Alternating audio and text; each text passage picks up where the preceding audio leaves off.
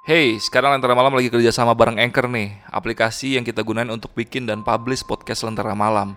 Di sini gue mau kasih tahu, bikin podcast tuh gampang banget dan 100% gratis. Semua yang kita butuhin buat bikin podcast tersedia lengkap di Anchor, termasuk untuk distribusi ke Spotify dan platform podcast lainnya. Yuk download aplikasi Anchor sekarang dan bikin podcast kalian segera.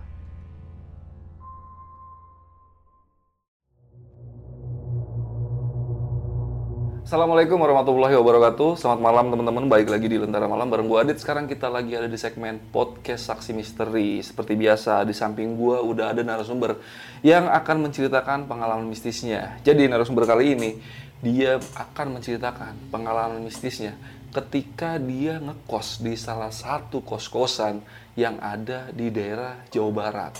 Nah di kos-kosan itu ada lumayan banyak nih teror yang dialamin dia selama ngekos di situ dan di belakang semua itu ada kisah yang menarik yang membuat kos-kosan itu menjadi cukup angker. Dan kita kenalan dulu nih sama narasumbernya seorang penulis namanya Roy. Roy, apa kabar Iya. Roy? Baik bang, Alhamdulillah sehat ya. sehat sehat bang. Ini kejadiannya tahun berapa Roy?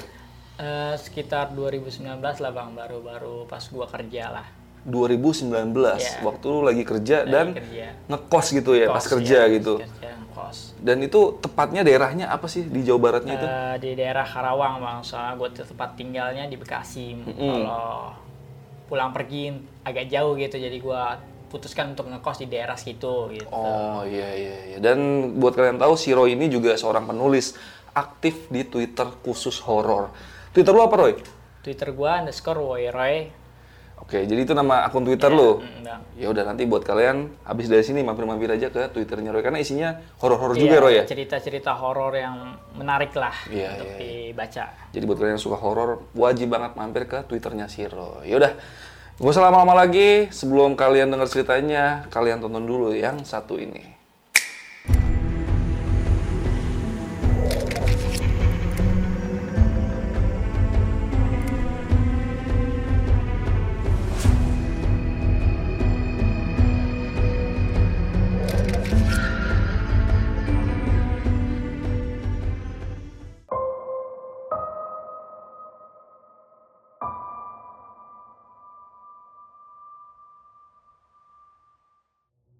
Awal mula nih Pak, gua lulusan tahun 2019 yang fresh graduate yang kata teman gua tuh masih gampang-gampang yang cari kerja.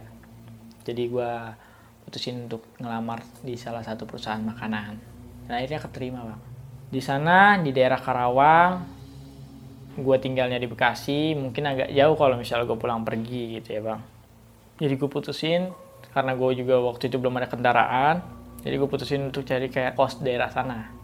Dua jam sampai tiga jam gue cari kos belum ketemu-temu tuh bang, karena ada yang harganya mahal sampai 500 ke atas dan lokasi dari kosannya ini juga ada yang agak jauh, jadi gue kurang serak lah gitu ya bang. Akhirnya gue dapet tuh bang sebuah kos dari jauh juga gue ngelihatnya ini kosan apa bukan tapi di sana baca tersedia kos pria dan wanita gitu bang gue pas gue perhatiin ini kosannya kayak bukan kos kosan lainnya kayak kumuh gitu ya bang jalanannya tuh masih rusak rusak gitu bang terus gue tanya tuh ke pemilik kos yaitu bapak-bapak lah ya bapak-bapak sana Pak ini emang tersedia kos ya Pak masih ada kos yang kosong nggak? Oh masih ada masih ada tiga yang kosong gitu. Terus akhirnya gua kan sama temen gua nih bang. Akhirnya gua ngeliat-ngeliat dulu tuh kosnya tuh bang. Ada tiga kamar mandi. Pas mau masuknya ke dalam kos ini ada tiga kamar mandi bang udah di depan bang kamar mandinya. Kamar mandi tertutup satu, kamar mandi terbukanya dua. Gua nggak nanya tuh kenapa kamar mandi pertama ditutup gitu. Jadi akhirnya gua jalan, ngeliat kosannya tuh ada satu kosannya yang digembok bang digembok nah dua kosannya itu masih katanya ini bisa nih buat kamu berdua gitu saya tanya harganya. Harganya berapa pak? Gitu. Ini 150 gue terkejut dong bang. Yang namanya yang tadi gue nyari sampai 500 600 700 gue ke sini dapat kos yang 150 ribu. Dan gue tanya dapat apa aja pak? Udah udah sama listrik sama air. Dan di situ gue makin terkejut dong bang. Kenapa ada kosan murah semurah itu bang? Akhirnya gue setuju dong bang. Yang namanya deket dari ini gue gue juga nggak peduli kenapa itu kotor ntar gue bersihin kan?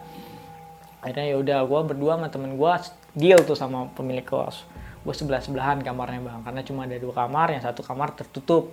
Gue sama temen gue setuju dan gue pengen bersihin udah gue bersihin tuh bang semuanya. Sehari dua hari mah belum ada keanehan nih bang. Sampailah ketiga hari pas gue shift malam tuh. Temen gue ini shift tiga dia masuk malam jadi pergantian shift gue pulang dia masuk gitu. Jadi gue pulangnya itu sendirian bang. Biasanya berdua kan. Gue pulangnya sendirian jalan. Jam 10 lewat 10 gue udah pulang dari pabrik. Dan sampai rumah itu jam 10 30 setengah 11 lah. Eh, gue naro baju-baju gitu naro seragam terus ngambil baju untuk mandi gitu. Karena mandi itu di luar toiletnya di luar. Gue jalan di situ emang penerangannya minim bang penerangannya tuh yang kayak lampu warna kuning cuma ada satu doang itu bang di tengah-tengah. Jadi hmm. kalau ngelihat ke sana juga kayak angker lah bang kalau gue bilang gitu ya. gelap gitu ya. Namanya di jam 11 malam juga. Karena sebelah kirinya kuburan bang. Sebelah hmm. kirinya kuburan dia. Emang kuburan ini tertutup bang. Kayak ada pembatas gitu bang. Iya, iya. pembatas. Kayak gue jalan. Gue bawa baju di ini bawa gosok gigi dan ini di gayung gue masuk ke dalam kamar mandi mandi. Setelah mandi gue matiin keran tuh bang. Matiin keran kayak pas gue matiin bener-bener pas matiin keran kayak ada suara rintian kesakitan bang. Suara wanita bang. Gue perjelas kuping gue gue deketin ke tembok. Masih ada bang. Gue penasaran tuh bang. Akhirnya gue keluar tuh bang. Keluar suara itu berhenti bang. Gue di situ udah mulai deg-degan lah ya bang. Udah mulai merinding gue udahlah karena gue capek juga ya gue lampiasin udah gue tidur aja lah. Gue nggak mikirin hal-hal yang lain ya gue tidur aja bang. Hari berikutnya gue gantian sih bang. Dia pulang malam gue masuk malam. Nah, pas dia pulang malam, jam 10 lewat 10 tuh dari pabrik dan setengah 11 sampai kosan katanya.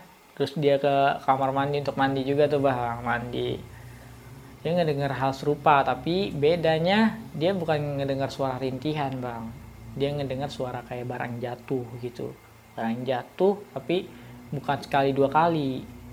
Berturut-turut pas dia selesai mandi bang jadi ceritanya pas gua pagi-pagi tuh pas pagi-pagi bareng sip tuh sip satu sama sip satu bareng kan ini cerita gue juga cerita dong apa yang gue alami sebelumnya sebelum dia gitu. Terus gue bilang kayaknya ada yang nggak beres nih gitu. Terus kata dia udah itu halusinasi lu doang paling gitu. Seminggu gue sama temen gue ini sip sip tiga masuk malam. Jadi gue nggak ada ngerasain hal-hal yang horor di sekitar situ. Tapi setelah shift 3 itu berakhir gue masuk lagi shift 2 gue sama teman gue mengalami hal yang di luar nalar lah bang ya gue mandi nih berdua bang. Di sebelah sebelahan nih bang. Emang kamar mandinya tuh ada pintu tapi pintunya nggak tertutup rapat. Atasnya masih ada inilah. Ada bolongan ada gitu ya? bolongan. Kamar mandinya itu rapat bang. Cuma ada kayak penghalang kayak kayu gitu doang di sebelah sebelahnya tuh. Nah gue mandi tuh bang, gue mandi sama dia. Ternyata selesai mandi, gue lewat kamarnya bang. Ternyata dia masih ada di dalam kamar dan siapa dong yang yang ada di sebelah gue itu.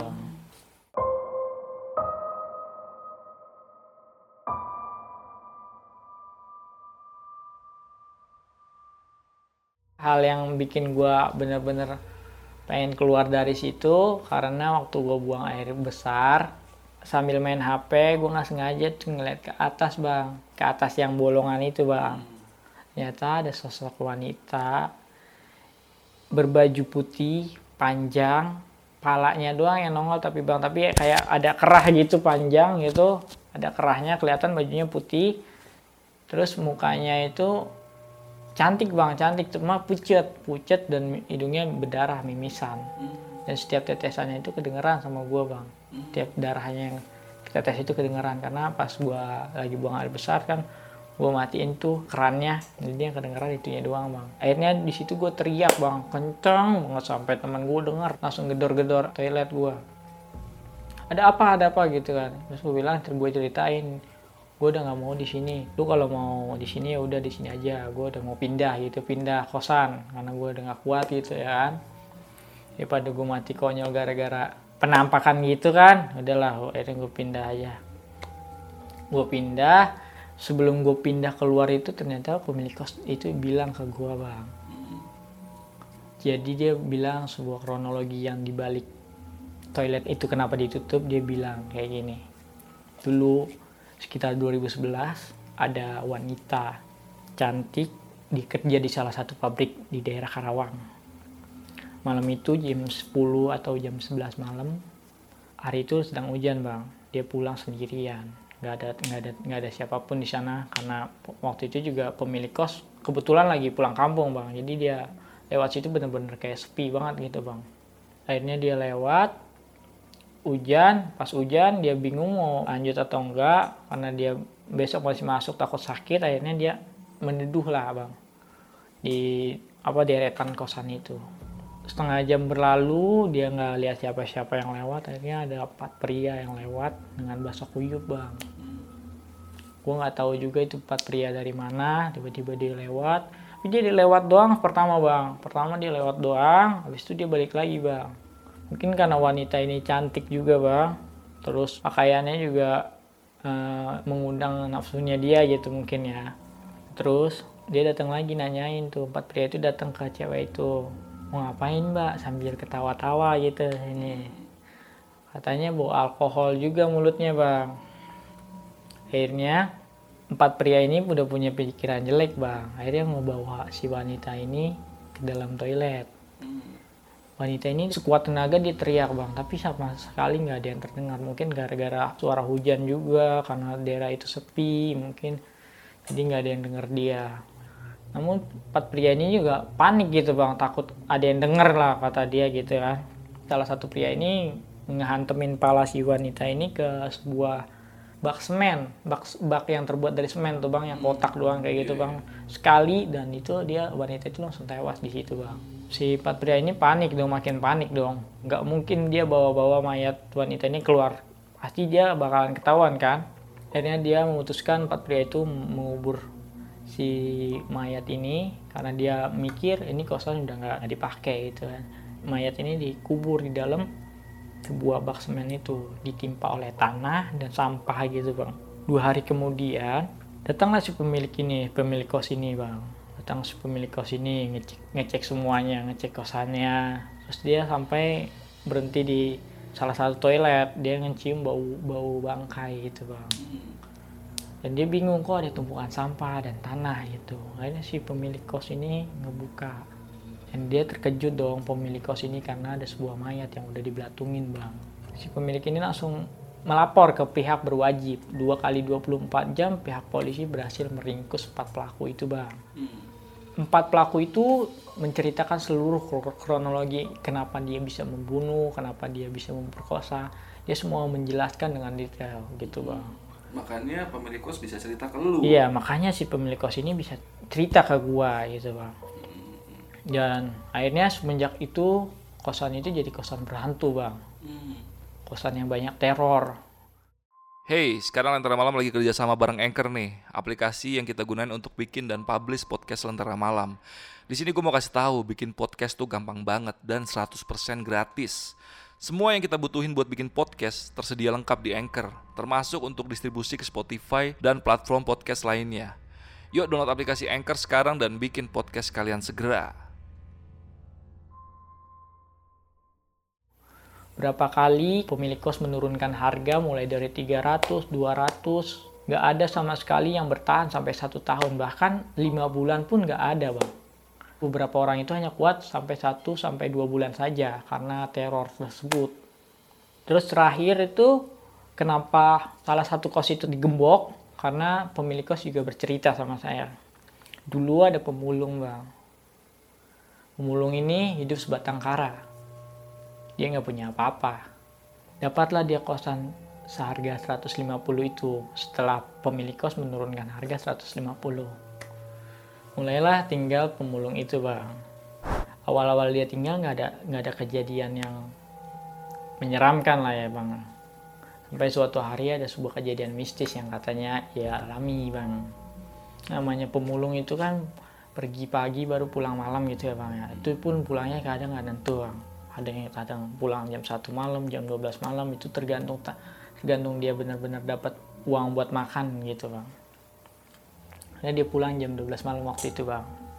Kalau mau masuk kos ini kita harus melewati tiga toilet tersebut bang. Nah salah satu itu toilet tertutup. Nah katanya pas di toilet tertutup itu dia mendengar suara minta tolong bang. Dia berhenti.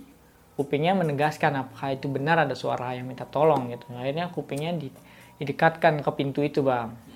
Tapi makin jauh bang suara itu bang. Sampai suatu ketika pas dia nengok ke kiri ada sebuah penangkapan bang. Sosok wanita berbaju putih panjang rambutnya juga terurai panjang sampai sampai kaki katanya. Terus hidungnya mimisan bang. Dia berkata tolong aku. Di situ si pemulung itu langsung jatuh pingsan bang. Nggak sadar apa-apa setelah itu. Ditemukan pemilik kos lagi di depan toilet tertutup itu bang dia bang ini dibawa disadarin tuh kenapa. Akhirnya si pemulung ini cerita apa yang ia alami. Terus pemilik kos menawarkan jika emang nggak mau di sini lagi atau takut gitu udah nggak apa-apa pindah aja. Uangnya dibalikan gitu uang 150 nya dibalikan untuk cari kosan lain. Tapi dia dia nggak mau bang karena salah satu kosan yang termuat hanya itu bang. Ini tetap tinggal di situ sampai beberapa teror yang ia alami sampai katanya terakhir dia tidur ber bersama wanita itu bang. Kenapa bisa tidur bersama wanita itu? Karena dia semal apa malamnya dia nggak sengaja bang. Jadi kan itu pintu toilet itu emang nggak nggak dikunci sama sekali bang. Jadi kalau digeser sedikit pun bisa kebuka bang. Dia nggak sengaja bang. Nyenggol toilet itu sampai kebuka bang. Pas toilet itu kebuka ada apa ada hawa dingin yang masuk katanya dia mandi habis itu dia tidur bang. Ya, jam jam sekitar jam 2 malam katanya dia terbangun. Ada bau busuk yang ia cium gitu bang. Bau busuk dan suara kayak ketukan gitu bang. Suara ketukan sama bau busuk itu barengan bang. Jadi dibuat dia terbangun. Terkejutlah si pemulung ini bang ya. Ada wanita tidur menyampingkan badannya ditepuklah pundaknya pas lagi tidur tuh si wanita itu. Ditepuk pelan-pelan gitu terkejut dia bang waktu palanya bisa muter ke belakang bang tapi badannya masih nyamping. Di situ untuk kesekian kalinya si pemulung ini pingsan lagi bang.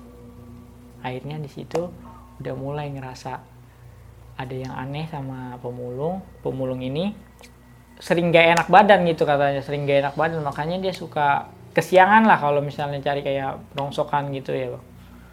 Akhirnya sampai suatu ketika dia tiba-tiba nggak jelas bang kata pemilik kos. Maksudnya dia nggak sengaja pemilik kos ngelihat dia sedang makan tanah. Pas ditanya kenapa makan tanah? Enggak langsung dilepehin bang.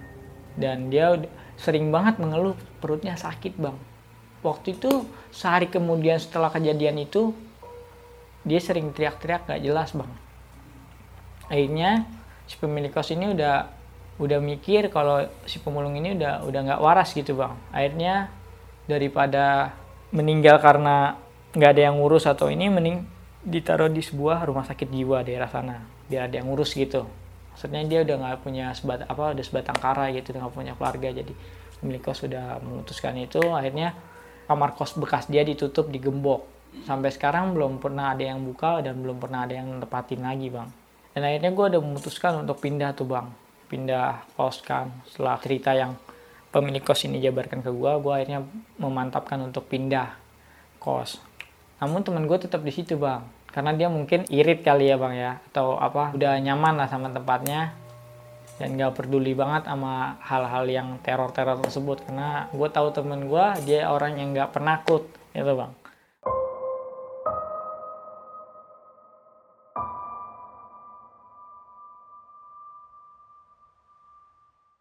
akhirnya setahun kemudian gue datang lagi ke sana. Ternyata teman gue masih di sana. Dan dia menceritakan bahwa ada kejadian ada suatu kejadian yang yang gue sendiri nggak percaya gitu bang. Karena si pemilik kos ini meninggal bang. Meninggalnya karena waktu itu dia mau merenov toilet itu. Emang sih pas gue datang itu pintu toiletnya udah diubah sama pemilik kos udah nggak ada yang bisa ini lagi ngelihat lagi gitu bang. Atasnya udah ada ketutup udah lah. udah atasnya udah ketutup udah diganti pintunya lah bang. Terus tapi yang yang terakhir itu masih tertutup bang. Nah katanya pas mau renov ke kamar mandi ketiga itu udah disiapin si pekerja lainnya sama pemilik kos untuk merenov itu namun si pemilik kos ini tiba-tiba sakit nggak jelas bang sakit nggak jelasnya ini pas diceritain gue pikir-pikir mirip sama kejadian si pemulung ini bang karena si pemilik kos ini mengeluh perutnya sakit dan suka teriak-teriak nggak jelas. Tiga hari kemudian dan dia meninggal setelah mau merenov itu. Akhirnya kamar mandi itu benar-benar nggak boleh dibuka sama sekali sampai sekarang. Dan pemiliknya diganti sama anaknya. Anaknya itu pria bang. Dan ada suatu ketika yang waktu kemarin gue ketemu sama temen gue ini, dia ngomong sama gue katanya ada yang mau tinggal juga di situ. Seorang perantau yang dapat kerja dapat panggilan kerja di sana. Sekitar jam 8 malam dia udah muter-muter akhirnya dapat kosan yang tempat teman gue tinggal ini. Namun dia ngomong sama pemilik yang perempuan bang. Wajahnya cantik tapi pucat kata kata si perantau ini. Dia udah ngomong sama teman gue ini. Terus si pemilik kos ini juga udah jabarin harganya. Dan dia si perantau ini tertarik dong karena murah dia pikir gitu. Akhirnya pas dia mau masuk ke kamar bekas gua nih kamar kos bekas gua dia ketemu teman gua. Dia nanyain itu ibu kosnya baik ya di sini ya? Teman gua kaget dong ibu kos. Tahu teman gua ini istri pemilik kos dulu udah meninggal bang. Udah meninggal sebelum teman gua sama gua datang ke sini kan terus yang sekarang diganti ini tuh anaknya. Dan apa dalam benaknya temen gue ini siapa perempuan itu? Itu kan. Cuma ngangguk doang temen gue bang. Cuma ngangguk doang saking bingungnya mau jawab apa cuma ngangguk doang dia bang. Terus dia ngobrol tuh ngobrol ngobrol biasa gitu. Terus temen gue nyaranin gitu bang. Udah jangan tinggal di sini gitu. Akhirnya temen gue baru keinget tuh perempuan itu baru keinget. Yang si perantau ini bilang ternyata perempuan itu yang tinggal di dalam kamar mandi kosong itu bang. Ini temen gue cerita bahwa ada histori kelam tentang kos ini. Eh si perantau ini benar-benar ketakutan tuh bang. Si perantau ini pas sudah jelasin dia tiba-tiba tubuhnya gemeteran bang. Karena yang barusan dia lihat bukan manusia bang. Dan akhirnya si perantau ini memutuskan untuk gak jadi di situ bang karena dia pun bukan ngomong sama ibu kos ngomong sama si, si makhluk astral ini bang. Dan pengakuan beberapa warga di sana juga bang bukan hanya orang-orang kosan aja yang diganggu. Bahkan orang-orang yang lewat di sana pun sering melihat penampakan si wanita ini bang. Waktu 2011 kejadian pembunuhan dan pemerkosaan ini pernah masuk berita koran bang. Koran Jawa Barat. Mungkin ada yang masih menyimpan koran tersebut masih ada yang tahu kisahnya mungkin dan benar-benar serem lah itu ya bang ya mungkin itu aja bang yang bisa gue sampaikan ya bang ya Oke, itu tadi cerita dari Roy dan buat kalian jangan lupa abis sesi tanya jawab ini kalian mampir ke twitternya Roy. Linknya gua taruh di deskripsi. Roy, sekarang kita bahas cerita yang tadi lu bawain ya. Iya. Oke Roy, ini untuk pertanyaan pertama nih Roy.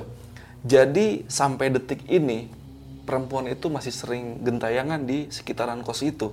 masih bang karena nggak ada yang berani untuk mengubah tempatnya dia gitu bang Hmm, karena toiletnya setiap- itu. iya, toiletnya setiap siapa pun yang ngubah dia pasti akan mati lah kata teman gue pas ngobrol sama si wanita ini karena dia nggak mau pindah bang Mungkin itu yang mengakibatkan yang pemilik kosnya itu bisa sampai meninggal dunia. Iya. Dan meninggalnya itu sama percis kayak si yang pemulung itu ya. Iya, pemulung Dia sakit sama, perut. Sakit perut dia bang. Tapi nggak sampai mati si pemulung ini, cuma gila. Mungkin iya, karena iya, dia iya. nggak meng- mengganggu, Iya, iya. mengganggu. Karena mungkin si pemilik kos ini mengganggu karena mengganggu kan. Karena mau ngerubah bentuknya ya. bentuknya jadi dia meninggal. Kalau Iya, si iya. ini mungkin ada beberapa gangguan, cuma nggak nggak nyampe si pem- apa pemulung ini meninggal, paling sama cuma sampai gila doang dia stres karena terus dihantui gitu. Iya, iya, iya. Dan boleh ini nggak sih gambarin sedikit kosannya itu rapih atau kayak Iya. udah buruk begitu bentuknya? kos-kosannya ya apa adanya aja bang Hmm. kayak lumut di mana-mana gitu. Kalau setiap masuknya juga udah kelihatan udah bukan kontrakan sebenarnya bang, Iya, cuma iya. dipaksain aja jadi kontrakan gitu bang. Karena Iya. harga yang murah juga bang terus Iya. cerita yang historinya kelam juga mungkin itu yang buat dia murah dan nggak nggak ter- apa nggak layak lah sebenarnya Iya iya iya. Padahal pasaran di daerah saya itu 300 ribuan Nah, dia- saat itu. enggak bahkan bisa sampai 400 500 ribu karena di situ daerah perusahaan gitu Pabrik, ya, pabrik. pabrik Iya, yang iya, iya. di mana karyawan-karyawan pasti punya gaji yang lebih dari Iya. itulah Di situ harganya cuma 150 ribu. 150 ribu udah termasuk, termasuk air sama air. sama, sama air gitu Itu udah nggak wajar ya. ini udah nggak wajar Dari awal pun lu udah ngerasa ada yang janggal nih dengan Janggal, kos-kosan iya. ini gitu. Tapi temen lu sampai detik ini masih di sampai sana. detik ini masih di sana karena dia masih karya masih karyawan di sana dia Iya, dia mengorbankan rasa takutnya demi ngirit kayaknya ya. Mirip, iya. Karena cuma 150 ribu. Iya, 150 Dan yang megang sekarang itu anak dari bapak kos yang udah meninggal Iya, itu. udah meninggal Nah, untuk si sosok perempuan ini yang kejadian dia diperkosa dan dibunuh itu, Hmm. Itu udah dapat cerita nggak sih kejadiannya di tahun berapa itu? itu katanya di sekitar 2011 bang 2011. 2011 itu sempat masuk berita kok bang sempat masuk koran juga berita pembunuhan itu Lu sempat nyari-nyari nggak di media online gitu? Gua udah nyari di media online mungkin nggak udah nggak ketemu bang Oh, tapi katanya di media konvensional tuh kayak koran iya koran ada pernah masuk. pernah masuk dia bang Mungkin koran-koran daerah situ kali Daerah kan ada. situ, iya. Biasanya ada koran-koran daerah koran, tuh. ah, koran Jawa Barat lah bang Iya, iya, iya. Coba buat kalian yang tinggal daerah-daerah Kerawang ya. Siapa tahu ada yang pernah masih nyimpen Iya, ya kan koran tahun nyimpen, 2011. koran. Karena nggak semua berita bisa masuk online kan. Iya, Apalagi tahun-tahun 2011 iya. masih transisi lah antara konvensional dan online gitu. Kalau sekarang sih udah pasti masuk online kalau gitu kayak gitu. Nah, untuk yang pemulung ini nih. Jadi pertama kali pemulung itu tinggal di kos-kosan itu kata Pak Kosnya emang normal-normal aja dia nggak ada nggak ada keanehan-keanehan sama diri dia gitu dari mentalnya dari Nggak, itunya gitu. nggak, nggak nggak ada sama sekali ya bahkan bangun pagi cuma untuk apa kerja terus pulang malam untuk ini doang nggak ada keanehan sama sekali pak Oh, mulai keanehan Dalam- semenjak dia sakit dalam- perut itu. hmm, dalam apa rohani jasmaninya sehat-sehat aja gitu Sehat-sehat aja gitu. Dan akhirnya setelah yang dia teriak-teriak suka teriak-teriak ya. Iya, suka teriak-teriak Dia sampai makan-makanin tanah, gitu bang iya itu udah bener-bener nggak wajar gitu Iya, Bang. iya, iya. Dan akhirnya dibawa ke rumah sakit jiwa sama eh, pemilik kosnya. kos, iya. Karena dia sebatang kara kali ya. datang kara karena udah nggak ada orang tua apa udah nggak ada keluarga di sana Mm, mm, mm. Dan lu dapat kabar nggak sih kalau orang itu masih di RSJ atau udah keluar atau gimana gitu Gua kabarnya? belum tahu bang kalau masalah itu belum belum ada kabar sih soalnya pemilik kosnya juga Iya meninggal sih, gitu. iya. mungkin yang anaknya juga nggak tahu tentang nggak tahu juga si pemulung itu ya. Oke oke deh. Ya udah paling segitu aja buat kalian yang masih pengen tanya-tanya lagi tentang ceritanya, kalian bisa mampir ke twitternya si Roy ini. Di mana Roy? Twitternya Roy? di at underscore woyroy Oke, itu nanti linknya buat taruh deskripsi ya. Itu ada ceritanya juga, lu udah lu tulis juga ceritanya itu di situ. belum Bang. Oh, belum ada sempat. ada sebagian doang 2019 pernah gue tulis cuma nggak lengkap bang Oh, oke oke. karena gue pas itu udah langsung pindah aja Iya iya oke. dapat kabar lagi Nanti kalau ada yang mau tanya-tanya lagi, DM DM aja ke Iya, twitternya lu aja ya Roy ya. Oke, yaudah paling segitu aja cerita malam ini. Thank you banget Roy, udah cerita di Lentera Malam. Gua Adi dari Lentera Malam. Roy, izin pamit.